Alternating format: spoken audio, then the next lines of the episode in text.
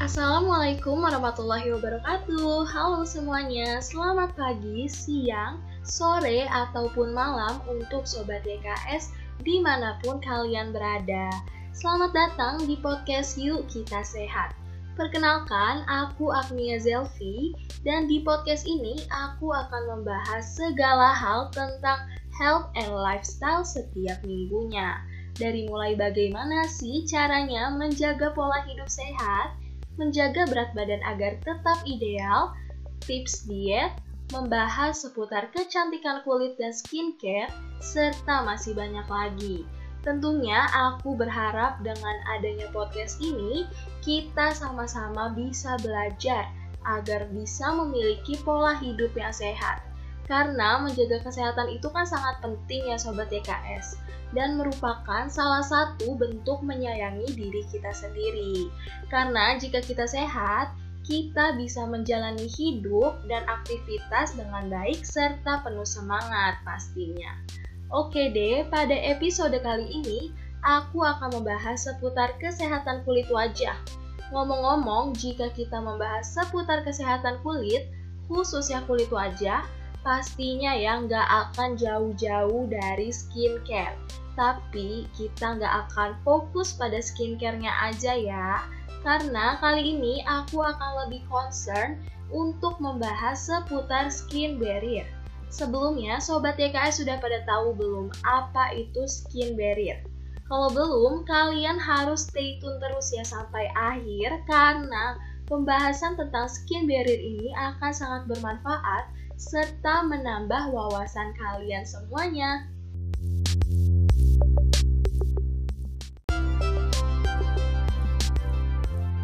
Oke deh, tanpa basa-basi lagi, langsung aja yuk kita membahas topik pada episode ini, yaitu hal wajib yang perlu kamu ketahui soal skin barrier.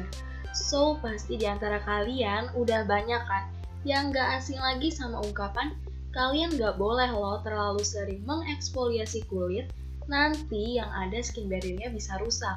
Atau ada juga nggak yang sering dengar pernyataan, kalian tuh harus menggunakan skincare yang tepat loh untuk menjaga skin barrier kalian supaya tetap kuat.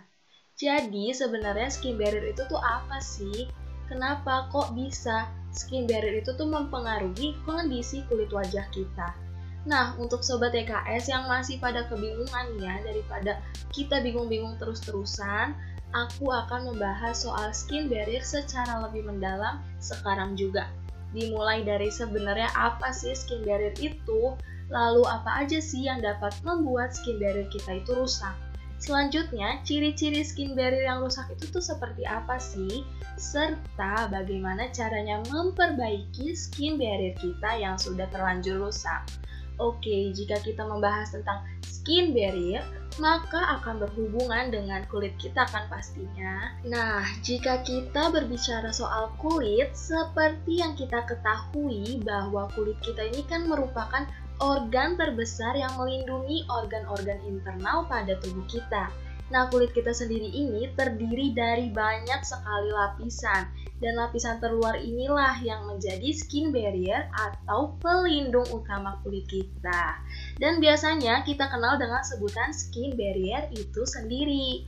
Nah, pada dasarnya skin barrier kita itu tuh terdiri dari lapisan sel kulit yang pipih dan dikelilingi oleh lemak-lemak yang memiliki kandungan seperti ceramide, kolesterol, juga asam lemak bebas. Jadi nih ya, jika kita analogikan secara sederhananya, sebenarnya tuh skin barrier kita itu menyerupai tembok atau dinding yang terbentuk dari batu bata dan juga semen. Di mana batu bata itu merupakan sel kulit kita dan semen sebagai lapisan lemaknya. Lalu sebenarnya apa sih tugas dari skin barrier itu sendiri? Sobat EKS, jadi skin barrier itu bertugas untuk melindungi kulit kita dengan cara mencegah iritan dari luar masuk ke dalam kulit kita. Selain itu, skin barrier juga bisa membantu menjaga level of hydration dari kulit kita loh agar kulit kita tuh tetap terjaga kelembapannya. Nah, cara kerjanya tuh gimana sih? Jadi, cara kerjanya itu yaitu dengan mencegah menguapnya air dari dalam kulit kita. Karena kan faktanya, semakin rapuh skin barrier kita, maka semakin mudah juga kulit kita untuk mengalami berbagai macam masalah. Jadi, walaupun skin barrier kita itu merupakan lapisan pelindung kulit kita yang memang sudah ditugaskan ya untuk menjaga kulit kita, nah dia ini memang memiliki struktur yang agak rapuh dan mudah sekali terkikis loh sobat YKS. Maka dari itu, kita harus benar-benar menjaga skin barrier kita jika ingin memiliki kulit wajah yang bersih dan sehat. Selanjutnya, kita akan membahas beberapa penyebab yang bisa merusak skin barrier kita.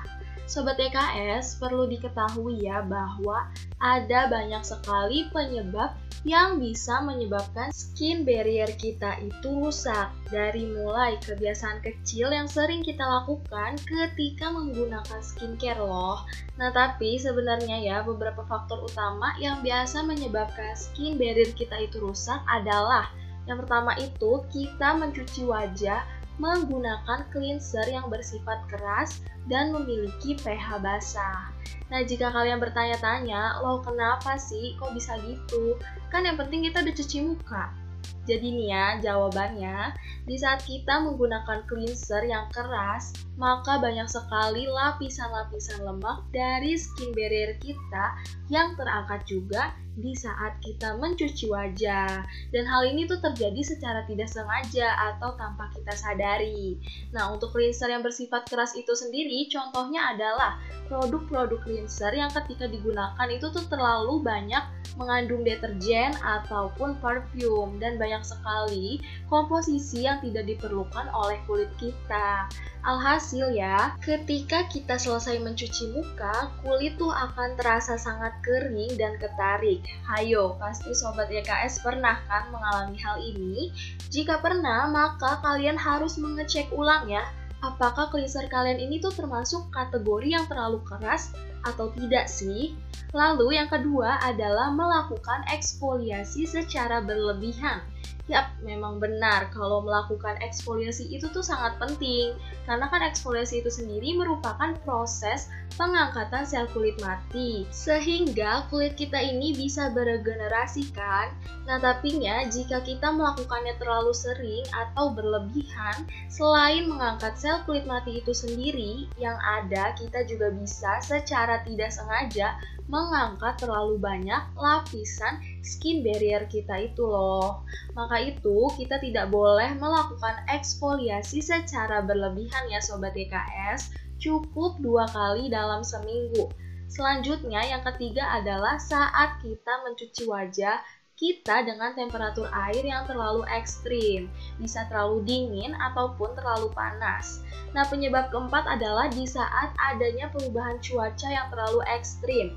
Misalnya nih, ketika kita bepergian ke luar negeri, yang cuaca di negara tersebut sangat berbeda dengan keadaan cuaca di negara kita maka perubahan itu bisa membuat kulit kita, khususnya skin barrier kita kaget nih, sehingga kinerja dari skin barrier kita ini sedikit melemah. Pasti Sobat YKS pernah kan, ketika traveling ke tempat yang cuacanya sedikit berbeda dengan yang biasanya, pasti kulit kalian mengalami kekeringan hingga mengelupas. Serta yang parahnya lagi nih, bisa sampai breakout. Nah, biasanya seiring dengan berjalannya waktu, kulit akan mengalami penyesuaian kembali.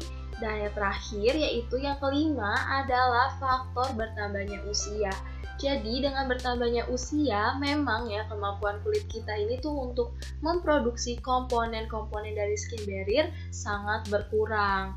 Gimana nih sobat EKS? Sampai di sini apakah pembahasan mengenai skin barrier ini masih membuat bingung?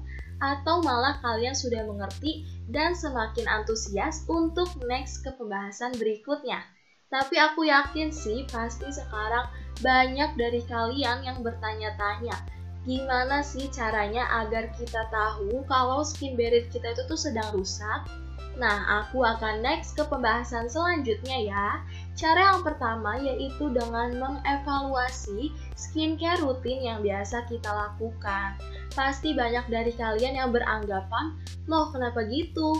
Kan yang penting kita udah pakai skincare. Nah ini dia nih permasalahannya. Karena kan seperti yang udah aku bahas sebelumnya ya, kalau penggunaan skincare itu bisa sangat mempengaruhi skin barrier kita. Contohnya seperti yang tadi aku sebutkan. Apakah kalian masih menggunakan produk cleanser ber-pH basa? Lalu, apakah kalian masih menggunakan produk eksfoliator ataupun melakukan eksfoliasi secara berlebihan? Nah, itu harus dievaluasi dahulu ya Sobat YKS, karena jangan sampai kalian menggunakan skincare yang terlalu rumit. Lalu yang kedua adalah dengan melihat perubahan kondisi kulit wajah kalian. Sekarang aku akan menyebutkan ciri-ciri yang ada dari skin barrier yang rusak itu seperti apa. Ciri yang pertama yaitu kulit jadi terasa jauh lebih sensitif secara tiba-tiba. Jadi produk skincare yang tadinya tidak menimbulkan reaksi apa-apa nih di kulit kalian, yang ada jadinya menimbulkan rasa gatal, menyengat, dan juga rasa cekat-cekir. Nah, ciri yang kedua yaitu kulit jadi terasa kering dan mengelupas. Yap, karena skin barrier kita itu kan memiliki kemampuan untuk menjaga kelembapan kulit kita. Sedangkan saat kulit kita itu skin barriernya lagi rusak nih, maka air di kulit kita ini akan cepat menguap sehingga kulit kita akan terasa lebih kering dan juga mengelupas. Next, ciri yang ketiga yaitu kulit menjadi terasa lebih berminyak. Tetapi di saat yang bersamaan juga nih mengalami dehidrasi. Nah, ini adalah kondisi kulit yang biasa kita dengar sebagai oily dehydrated. Kondisi ini terjadi ketika permukaan kulit kita terasa sangat berminyak, tapi di dalamnya tuh sebenarnya kulit kita tuh sangat kehausan, yaitu kekurangan air. Jadi karena kulit kita kekurangan air ini, dia merespon dengan memproduksi lebih banyak minyak agar membantu melembabkan kulit kita. Kemudian ciri yang terakhir yaitu merupakan kasus yang terbilang cukup parah nih adalah munculnya jerawat serta ruam-ruam merah atau iritasi pada kulit wajah kita. Ya ampun, serem banget kan ya Sobat EKS? Buat yang bertanya-tanya, kenapa nih kok bisa ya terjadi jerawat atau ruam merah? Nah, penyebabnya yaitu karena skin barrier kita itu kan kondisinya sedang rusak. Sedangkan fungsi utama skin barrier ini sendiri adalah sebagai pelindung. So, kita bisa membayangkan jika pelindungnya aja sedang rusak, maka akan ada banyak sekali iritan seperti polusi ataupun debu yang bisa masuk ke dalam kulit kita. Nah, kondisi ini akan mengakibatkan iritasi dan peradangan di kulit kita. So, kalau hal-hal yang barusan aku sebutkan itu sedang terjadi di kulit kalian, para sobat DKS semuanya, sekarang adalah waktunya nih kita sama-sama memperbaiki kondisi skin barrier kita ya Sobat DKS. Terus nih, setelah kita mengetahui ciri dari skin barrier yang rusak itu tuh seperti apa sih? Lalu, apa bisa skin barrier kembali normal? Jika bisa, gimana sih caranya memperbaiki kembali skin barrier yang telah rusak? Nah, langsung aja cara yang pertama yaitu kembalilah ke tahap skincare rutin yang dasar. Yap, karena penggunaan skincare rutin yang terlalu rumit itu memiliki resiko merusak ataupun memperparah kondisi skin barrier kalian ya Sobat EKS. Lalu, apa aja sih yang termasuk ke dalam skincare rutin yang dasar? Tentunya skincare rutin yang dasar itu terdiri dari tiga jenis saja, yaitu yang pertama ada cleanser dengan pH rendah dan gentle, selanjutnya yang kedua ada moisturizer ataupun pelembab untuk menjaga kelembapan wajah kita. Dan yang terakhir nih, yang ketiga adalah SPF ataupun sunscreen untuk melindungi kulit kita dari dampak buruk sinar UV. Untuk produk skincare sendiri, kalian bisa menggunakan merek apa pun ya Sobat DKS. Next, cara yang kedua yaitu dengan meningkatkan proteksi pada kulit kalian. Nah, gimana sih caranya kita meningkatkan proteksi kulit kita? Jawabannya yaitu seperti yang sudah aku sebutkan ya, tentunya dengan penggunaan sunscreen dan juga melembabkan kulit kita secara rutin. Selain itu, kalian juga bisa memilih nih produk yang memiliki kandungan yang kaya antioksidan. Lalu cara yang ketiga yaitu hindari dahulu penggunaan scrub ataupun produk-produk eksfoliator untuk sementara waktu.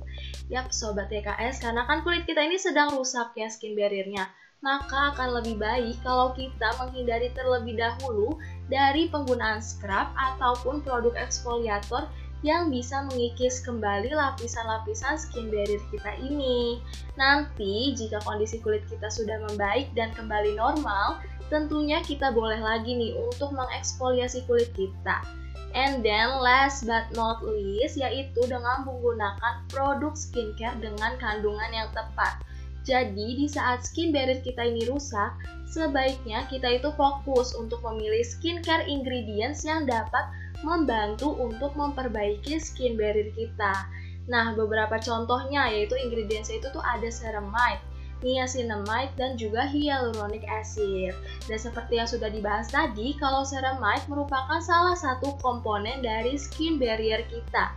Dan vitamin B3 atau niacinamide merupakan ingredients yang bisa meredakan peradangan serta meningkatkan produksi dari ceramide.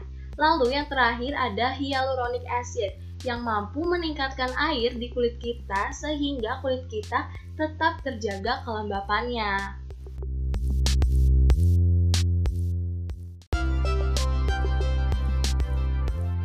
Oke deh, gimana nih Sobat DKS? Udah lengkap dan mendalam banget kan pembahasan dari aku seputar skin barrier kita?